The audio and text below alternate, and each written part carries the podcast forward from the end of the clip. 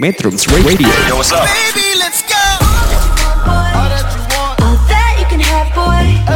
Got me spread like a buffet. Bon now, Now they always say congratulations.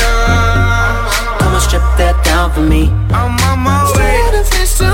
Girl, come on, strip that down for me. Yeah, yeah, yeah, Metrums. Radio Media terintegrasi kaum muda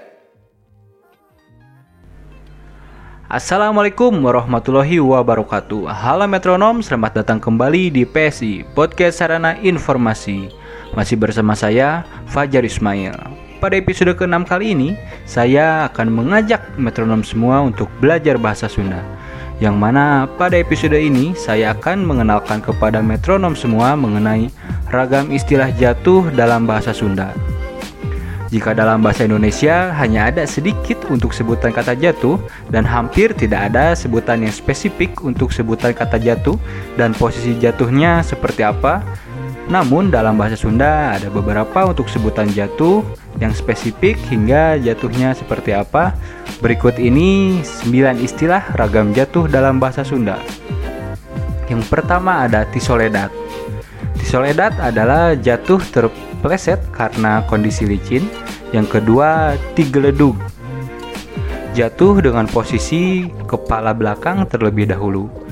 Yang ketiga ada tijalike, yaitu jatuh ke seleo. Yang keempat ada ticatrok. Ticatrok adalah jatuh dengan posisi dagu terlebih dahulu. Yang kelima ada tijungkir, yaitu jatuh sampai terbalik. Yang keenam ada tigebrus, jatuh ke lubang atau jurang. Yang ketujuh ada tigulitik, yaitu jatuh hingga berguling-guling. Yang kedelapan tigedebruk, yaitu jatuhnya badan seutuhnya. Yang kesembilan ada tijungkel, yaitu jatuh terlempar. Yaps metronom, saya cukupkan untuk pertemuan saat ini. Semoga apa yang sudah saya sampaikan menjadi manfaat buat metronom semua.